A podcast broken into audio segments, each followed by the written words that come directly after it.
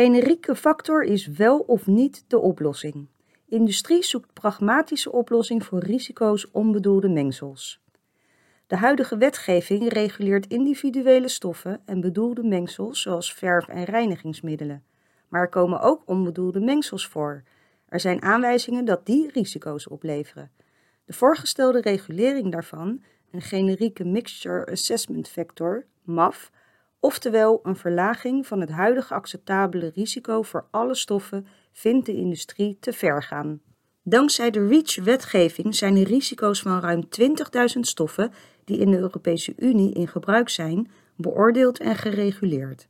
Daarbij is ook rekening gehouden met bedoelde mengsels, zoals een reinigingsmiddel of een verf. Maar wat gebeurt er als een aantal stoffen onbedoeld in mens of milieu bij elkaar komen? Met andere woorden, geven onbedoelde mengsels van chemicaliën aanvullende risico's bovenop de reeds beoordeelde en bekende risico's van de individuele stoffen. De vraag speelt al langer en is niet onterecht, zegt Martin Kops, technisch directeur bij de NVZ, de branchevereniging voor importeurs en fabrikanten van was, reinigings-, onderhouds- en desinfectiemiddelen. Er is aangetoond dat onbedoelde mengsels voorkomen. Zo laat onderzoek naar oppervlaktewateren in de EU een ophoping van bepaalde stoffen zien uit verschillende bronnen: industrie, gewasbescherming, landbouw en medicijnresten. Bij bepaalde combinaties van stoffen kunnen mogelijk ongewenste effecten optreden in mens en milieu. Ook als gegarandeerd is dat alle stoffen daarin concentraties hebben die volgens de wettelijke normen veilig zijn. Stoffen met hetzelfde soort gevaar dat via dezelfde route wordt veroorzaakt, leveren in combinatie mogelijk een extra risico op.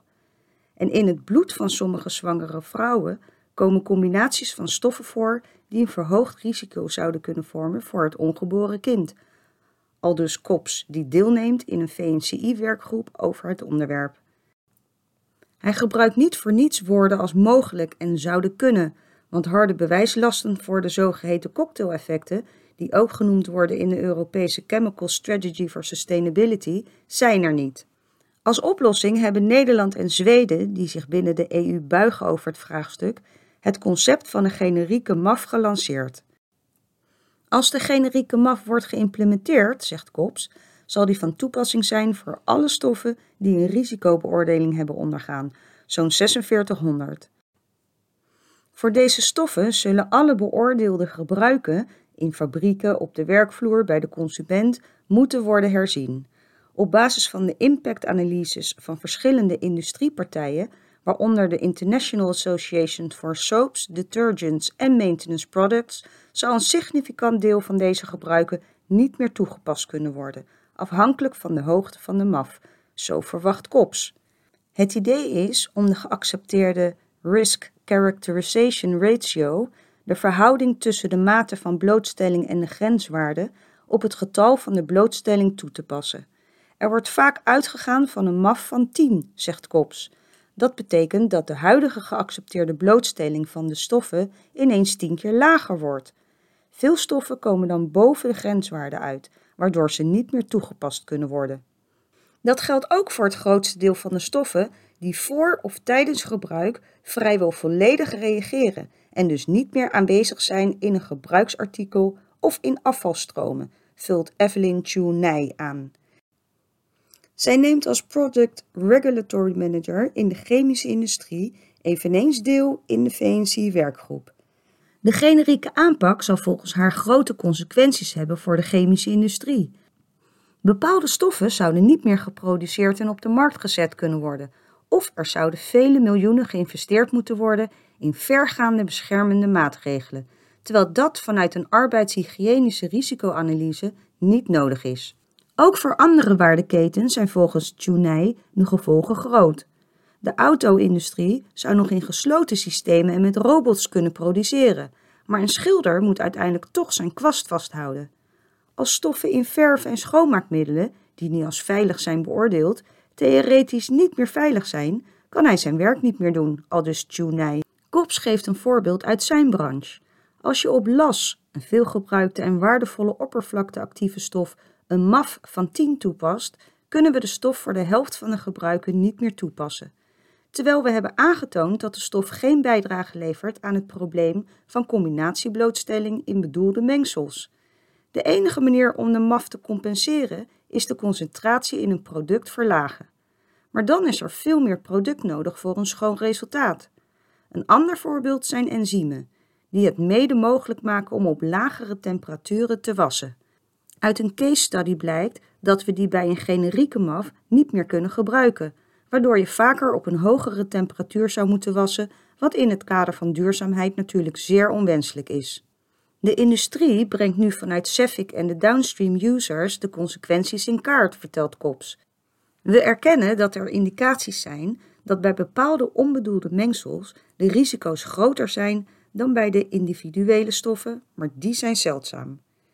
Die moeten we in kaart brengen en daar dan een werkbare oplossing voor vinden. Het voorstel is om eerst vast te stellen of bepaalde stoffen überhaupt in een onbedoeld mengsel in het milieu of in de mens terechtkomen en vervolgens te kijken of die stoffen daar een extra risico geven. Alleen op die stoffen zou een MAF van toepassing moeten zijn. Chunai vult aan onderzoeksprogramma's die gericht zijn op het ontwikkelen van meer geavanceerde risicobeoordeling, gericht op potentiële combinatieblootstelling, zouden kunnen helpen bij het identificeren en beheersen van de risico's. Er moeten data komen op basis waarvan we dan de beste beleidsstrategie bepalen, in overleg met de industrie, het ministerie van IMW, het RIVM, het Zweedse KEMI en ECHA. Een generieke MAF is geen oplossing. Emiel Rorijen is senior adviseur toxicologische risicobeoordeling bij het RIVM. Bewijs is misschien een te sterk woord, zegt hij, maar er zijn wel steeds meer aanwijzingen voor risico's door blootstelling aan combinaties van stoffen. Een aanwijzing is de geconstateerde afname van de soortenrijkdom, onder andere vogels en insecten, in Europa. Dat kun je toeschrijven aan allerlei stressoren, zoals landgebruik, maar als je alle monitordata doorrekent, zie je ook een duidelijke correlatie met de combinaties van stoffen in het milieu. Het is geen direct bewijs, maar een theoretische inschatting.